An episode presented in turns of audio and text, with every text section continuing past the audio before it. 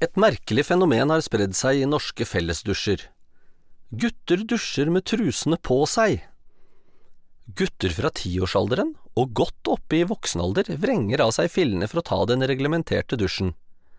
Men kroppsdelen, som i verste fall kan stinke som en blanding av ormebol og fiskeslo, skal skjermes for vann og såpe. Hvordan oppsto dette tilbakeslaget i vår utvikling? Tror kanskje dagens ungdom at de slår to fluer i en underbuksesmekk når de dusjer med trusa på? At de vasker både seg selv og trusa i samme slengen?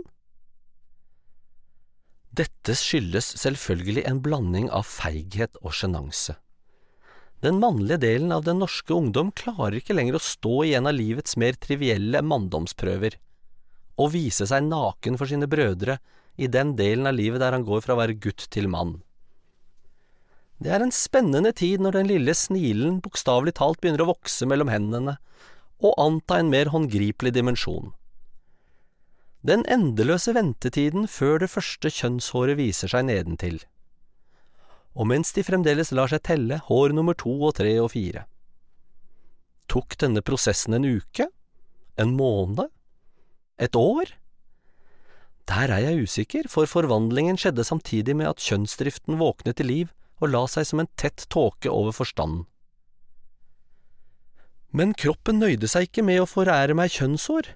Plutselig hadde jeg hår over hele kroppen.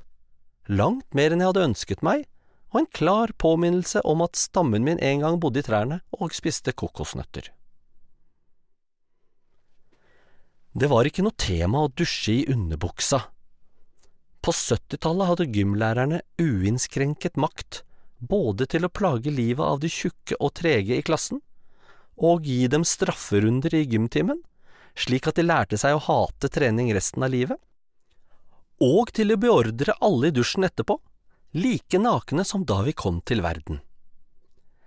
Vi hadde med håndklær som var akkurat så lange at de gikk rundt livet, og så snek vi oss langs veggen bort til knaggene, hang fra oss håndklærne, og gikk omtrent med beina i kors bort til dusjene, der vi stilte oss med ryggen mot veggen og fiklet med oss selv under spede dusjstråler.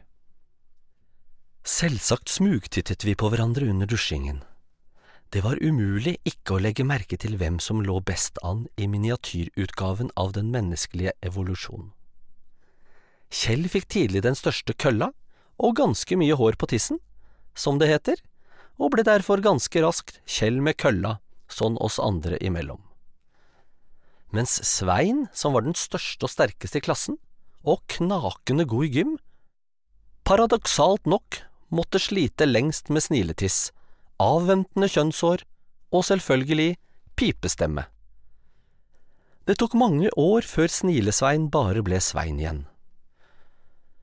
Selv om denne tilstanden preget oss sterkt, hadde vi ingen dype samtaler om pubertet, ikke som jeg var med på i alle fall. Praten om dette gikk mest i enstavelsesord og grynting, ikke ulikt Tarzan og apevennene hans. Det er godt å være ferdig med det. Nå er det den naturligste sak i verden å være naken i dusjen med mine brødre.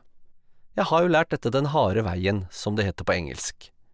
Men jeg kan fortsatt ikke la være å smugtitte rundt for å sjekke rikets tilstand. Det som forbauser meg i dag, er at hos noen eldre som i likhet med meg er kraftige, ja, bortimot tjukke, virker det som om dynamittgubben har gått av. Det er rett og slett ikke så mye å få øye på lenger. Jeg blir selvfølgelig bekymret over denne observasjonen.